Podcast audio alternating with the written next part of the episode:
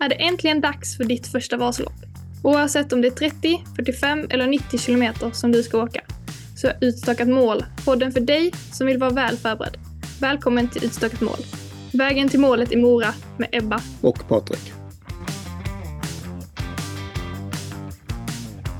Vi vill hälsa alla välkomna till denna poddserie om resan mot målet i Mora. Vi kallar den Utstakat mål och grundidén är att du med hjälp av denna podd, Vasaloppsguiden som finns på Rullskidcenters hemsida, det produktpaket och den träning vi föreslår ska kunna nå målet i Mora med ett leende på läpparna. Och vem är vi då? Jag heter Ebba. Jag är en tjej som går på skidgymnasiet i Mora och läser natur. Jag är uppväxt i Skåne och har eh, tränat både rullskidor och längdskidor sedan jag var 11 år gammal. Ehm, jag och min pappa har lärt oss ganska mycket själv det här om skidvärlden och ja, men jag kan väl titulera mig tidigare Vasaloppsägare om så vill. Men det kommer vi till sen. Och jag, jag heter Patrik, kallas nu för tiden för Rullskid-Patrik bland skidåkarna. Jag är väl egentligen en typisk rullskidcenterkund och hade säkert fått lyssna på den här podden om det fanns en gång i tiden när jag åkte skidor för första gången i Vasaloppsspåren. Jag jobbar som tjänsteman som produktchef för mobiltelefoner på både Ericsson och Sony Ericsson och har alltid drömt om att en gång få stå där på starten och genomföra Vasaloppet. Och sen blev det lite förändringar med jobb och så i samband med att Apple kom med sin iPhone och marknaden förändrades helt. Och då bestämde jag mig för att byta intresseområde helt i jobbinriktningen och satsa på längdskidåkning. Och sedan dess har både du Ebba, när du har varit och jobbat i butiken, och jag har hjälpt många att nå målet i Mora. Och vi hoppas att många av dem, om inte alla, haft ett stort leende på läpparna. Ja du Patrik, Rullskyddscenter, butiken som du driver, är, en, är ju en officiell Vasaloppsbutik. Vad innebär det egentligen? En certifierad Vasaloppsbutik eller officiell Vasaloppsbutik innebär att Vasaloppet har certifierat den, tittat över kompetensen, sortimentet, utrustningen och servicen. Allt för att sätta kvalitetsstämpel åt kunden. Så att en blivande skidåkare eller en etablerad vet att i en Vasaloppsbutik, en officiell, där får man den service och kunskap som man är värd. Så tipset är att välja alltid en officiell Vasaloppsbutik när du ska skaffa utrustning. Det låter ju inte alls dumt. Låt oss då förhöra oss lite på dina kunskaper om Vasaloppet. Hur började allting? Vasaloppets historia började redan 1520. Sverige befann sig då i en union med Danmark.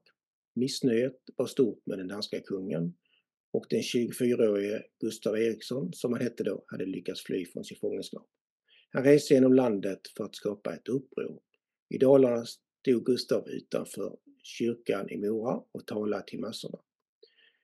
Och några veckor innan hade hans far och hans bror blivit halshuggna vid Stockholms blodbad. Men den församlade eh, folksamlingen ville först rådgöra med sina grannbyar innan gav sig ut i något krig mot den danska kungen. Förföljarna började närma sig Gustav och innan han fick besked så var han tvungen att fly västerut mot Norge.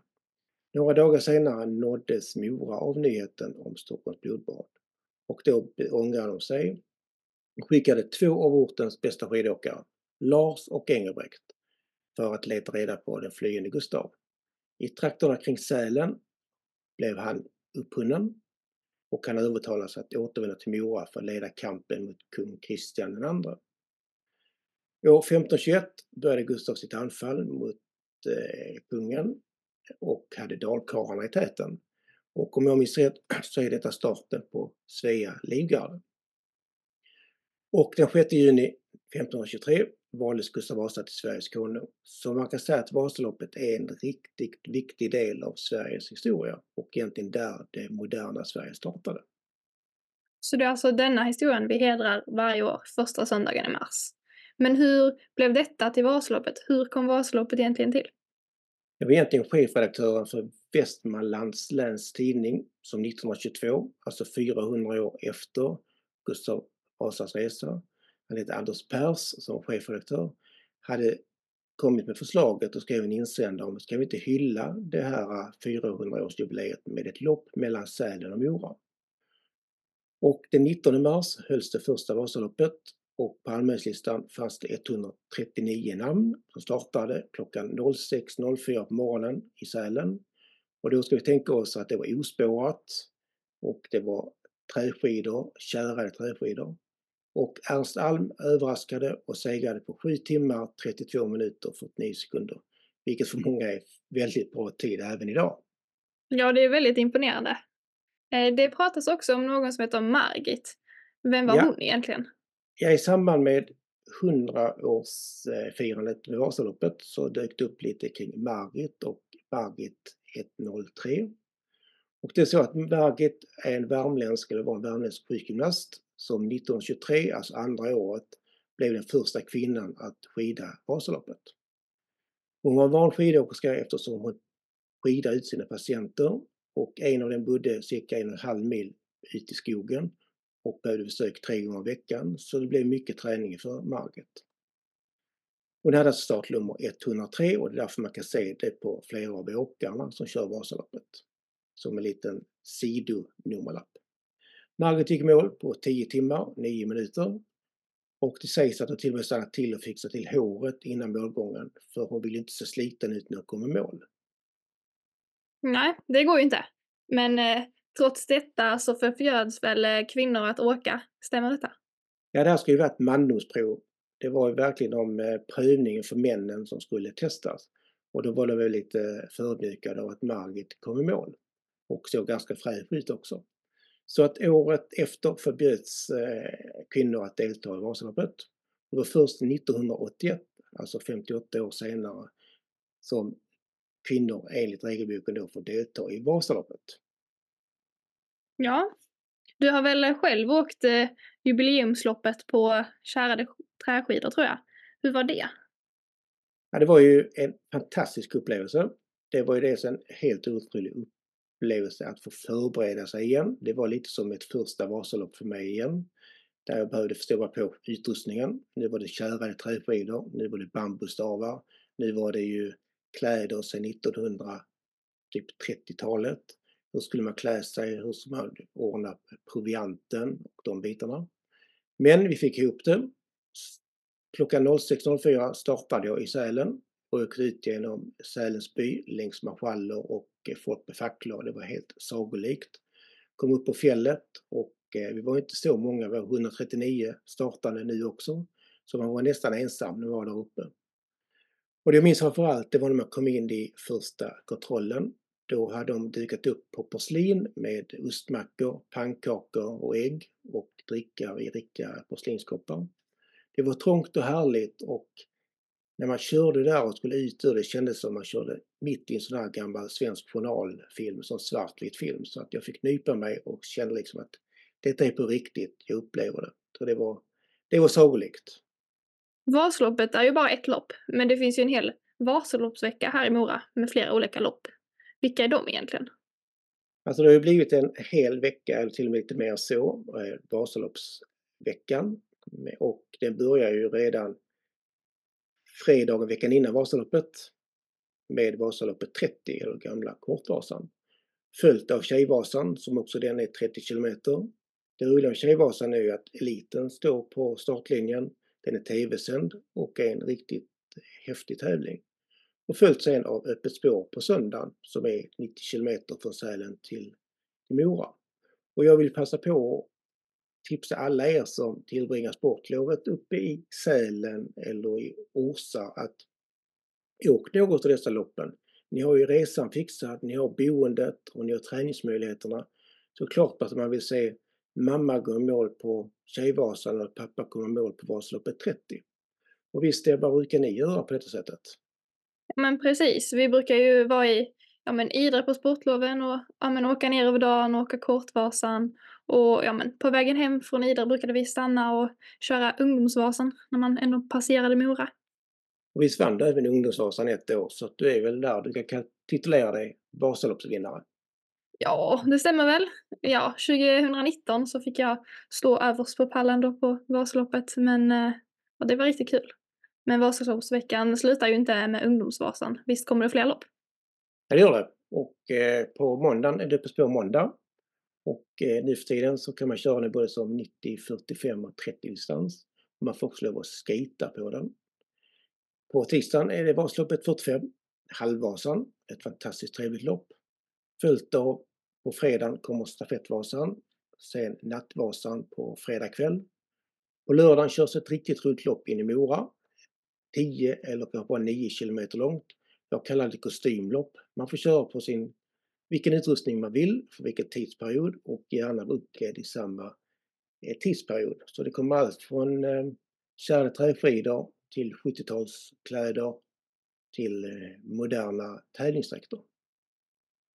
Och sen avslutas alltihopa på söndagen med det riktigt stora härliga Vasaloppet. Själv brukar jag ju köra öppet spår, eller åka öppet spår, vilket gör att jag kan sitta hemma och få njuta av Vasaloppet på TV. Ja, visst, det är ju tradition. Men eh, du som träffar många blivande åkare, är det just den här traditionen framför soffan? Eller varför vill folk egentligen åka Vasaloppet? Ja, de flesta har ju följt dem och kommer ihåg liksom att familjen har följt det hemma i all tid och jag börjar se på det här på TV också och följer det hela, hela sändningen. Så det har blivit en dröm, en dröm som de vill ta i uppfyllelse att en gång få stå liksom på startplatsen och eh, genomföra detta. Och i och för sig, i och med det här 100-årsjubileet och eh, historien med Gustav Vasa och så vidare så känns det även som en liten historisk eh, vinkel på detta med de svenska traditioner och att det är lite mer så. Ja, det är ju stor tradition med Vasaloppet och det pratas ju mycket om det stora Vasaloppet. Men måste man börja med det om man ska åka? Ja, förr var det ju så, upplevde jag, att ska man åka något ska man åka det riktiga Vasaloppet. Men mer och mer har det gått över till öppet spår, eller en blandning skulle jag säga, med, med jämvikt. Jag brukar ju utmana de som kommer in och säga att eh, vill du umgås eller vill du åka skidor? För Vasaloppet är det ju 16 000 personer. Det blir ganska trångt om det blir ett sätt att umgås. Och öppet spår måndag, som är det minsta av öppna spåren, kan det vara 5-6 000 människor. Då är det mer plats att åka. Men egentligen så kan det vara lite smart att börja med de kortare loppen, 30 eller 45 och få liksom spara på godbiten och sig växla upp år efter år. De har också lärt sig terrängen, hela logistiken runt omkring och förberett sig. Ja, det låter inte dumt. Patrik, du har väl åkt eh, några fler loppen har jag för mig. Du kanske kan eh, beskriva några av dem som du åkt? Om vi tar lite baklänges då så var det faktiskt att den sista tiden har jag kört Vasaloppet 45 som startade i Oxberg, gick runt Oxbergssjön och kom in sen på Vasaloppsspåret, det normala, och sen in på eh, vad heter det, Tjejvasans eller Vasaloppet 30 spår från Oxberg. Och det är en fantastisk upplevelse att komma runt sjön där och se alla dessa fäbodar och eh, vackra snön och eh, skogslandskapet och eh, den frusna sjön och ja. ja det, var, det var lyriskt att se liksom. Speciellt om man har fint väder och solen. Och det var inget jätteutmanande lopp heller. Sen har jag kört både Vasaloppet och Öppet spår som är 90 och eh, det är ju lite mer utmaning med att man ska ha en ganska tidig start. Man bör vara på plats redan 5-6 tiden på morgonen, många i alla fall 6 senast. Och då ska man transporteras dit och sen är det en lång dag för eh, oss flesta. Så att, eh, men det är en eh, häftig upplevelse, det långa loppet. Öppet spår fördelen att det går lite snabbare komma upp första backen och komma upp på de här vackra byarna uppe på myrarna. Ja, det låter härligt. Du som nu ändå har åkt några lopp, vad skulle du säga är dina bästa minnen från, ja, men, från Vasaloppsspåret? Alltså det är ju en, en dag, man startar på långa loppet, det är en lagom kall dag, så man fryser inte så mycket. Man kommer upp på myrarna, solen stiger i horisonten och man ser liksom att det här blir en härlig dag, lite vidd i ryggen, solen i ögonen och eh, man kommer bara njuta många timmar framöver. Och vad säger du då Ebba? Har du något bra minne? Ja men eh, ett av mina bästa minnen är väl från mitt, och min första Kortvasan, det heter väl Vasaloppet 30 nu. Jag, jag åkte med pappa och jag fick åka ifrån han i backarna in mot Hökberg. Så det var väl ett härligt minne att det var riktigt roligt och jag var väldigt nöjd när jag liksom kom in i Moraparken och såg målet för jag, jag var väldigt trött för jag skippade ju att dricka i Hökberg för att jag skulle ju dra ifrån pappa, det var ju viktigt. Så det var ett härligt minne. Och sen dess har varken han eller jag kommit ifatt dig. Nej, ni får jobba lite på det faktiskt. Kanske. Kanske någon gång. Men eh, om man nu är sugen på att åka ett av de här loppen och liksom uppleva det här, hur gör man då? Då går man in på Åstorpets hemsida naturligtvis och anmäler sig till något av loppen. Ska man åka, egentligen oavsett vilket man ska åka, så ska man börja tänka på boendet ganska omgående. Och boka upp någonting i Sälen eller i Mora. Tänk på att loppen här går under vecka 8 och vecka 9 och det är ju sportlovsveckor så mycket är ju bokat i, i skidmiljöerna. Fördelen med att åka det långa loppet och bo i Sälen är att man har nära till starten. Men när man kommit i mål, duschat och eh, ätit lite så får man sätta sig på en bussresa tillbaka till starten. I Mora är det tvärtom, då får man kanske gå upp lite, eller får gå upp rätt mycket tidigare, hoppa på bussen vid fyra tiden och åka till starten. Men sen när man kommer tillbaka så är man ju hemma. Sen är det ganska viktigt tycker jag att börja träna direkt. Och eh, det är många som tror att det är ganska lätt att åka Vasaloppet och det kan ju vara med teknik och så, men det är 90 kilometer är 90 kilometer så att det är bra att träna och även njuta av den fantastiska sommaren som vi har i Sverige och träna på den tiden. Ja, liksom klarar vem som helst det här med ett Vasalopp? Skulle du säga? Jag skulle säga att tar vi de korta som 30 kilometer så, så borde de flesta kunna klara det. Även om man inte är speciellt duktig på skidor. Men det kan ju ta sina timmar. På 90 kilometer är jag faktiskt imponerad över de skånska klubbarna och till exempel din hemmaklubb Skitlim Skåne är ju duktig på att ta medelålders människor som drömmer om att åka Vasaloppet från september med tre träningar i veckan. Om jag minns rätt så är det stavgång en dag, teknik, intervallträning en dag och lite långpass den tredje dagen. Och på ja, så sätt precis. får man dem klara till till start och eh, de flesta kommer i mål. Så att eh, har man, kan man springa milen, brukar jag säga, så ska det inte vara något problem med en seriös träningsmängd att ta sig i mål i Mora. Ja men du har väl gjort lite av den här resan eller hur var det för dig liksom att komma från lite ja, men halvt otränad tjänsteman och åka Vasaloppet första gången? Ja det är en bra beskrivning. Och det var just så det var. Jag var ju tjänstemannen, det var ju inte speciellt mycket löpning och inte mycket annat heller utan det var jobb, jobb, jobb. Och eh, jag märkte ju inte då, men förstår i efterhand, att jag tränade och ville prestera och gick ut med för hög puls hela tiden. Och har man hög puls så kör man slut sig. Och jag minns framförallt vid det första sidningsloppet jag körde. Då var det, och då var det ju att man jagade tid för att klara, in, klara sig in i startled 9 eller 8. Och på vägen hem var det bara att öppna bildörren och ut med huvudet och, och spy. För jag var totalt utmattad och kunde liksom inte riktigt förstå den här reaktionen. Och det hände några gånger till. Idag inser jag liksom att min, min trappa var ju för brant och jag gick ju på alldeles för hög puls i början. Så min kropp får inte in sig för den här höga och långa belastningen. Så att eh, det är viktigt att tänka på. Ja, det låter inte alls trevligt. Alltså, har du några råd för att det här inte ska hända ja, men, någon annan som vill börja åka Vasaloppet? Ja, det jag säger idag det är att träna uthållighet. Träna långt och lugnt. Och därför tycker jag man ska börja tidigt efter man har anmält sig.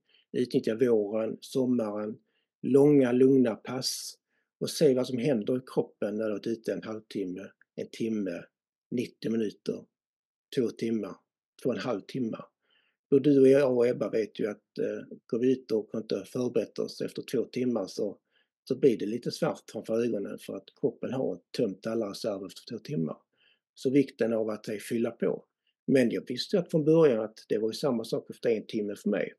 När jag var eh, ny i det här. Men det är sånt man tränar upp med tiden. Jag vill också säga det att kan man komma ut på längdskidor så är det ju en fördel och flytta den kunskapen sen till rullskidor eller stakmaskin. Tyvärr så möter ju många kunder på vintern som kommer in och köper längdskidor som bara stått och kört stakmaskin och jag tycker inte det är riktigt, riktigt rätt. Man har tappat mycket av balansträningen och eh, benen har inte fått jobba på samma sätt. Och egentligen har man, kan man inte åka längdskidor så kan man inte lära sig tekniken i stakmaskinen. Men däremot på rullskidorna så är det ganska grejnära. Så Ut på rullskidor och längdskidor så mycket man kan. Ja, det känns nästan som det är dags att prata lite om utrustning. Men det kanske vi får spara till nästa avsnitt. Ja, det gör vi. Och då tar vi fokus på utrustning som gör att man vill komma ut och träna. Alltså sånt som är behagligt, komfortabelt men inte för dyrt. Då säger vi väl så och tackar för idag. Ja, och resan mot målet i Mora, den fortsätter. Hej då! Hej hej!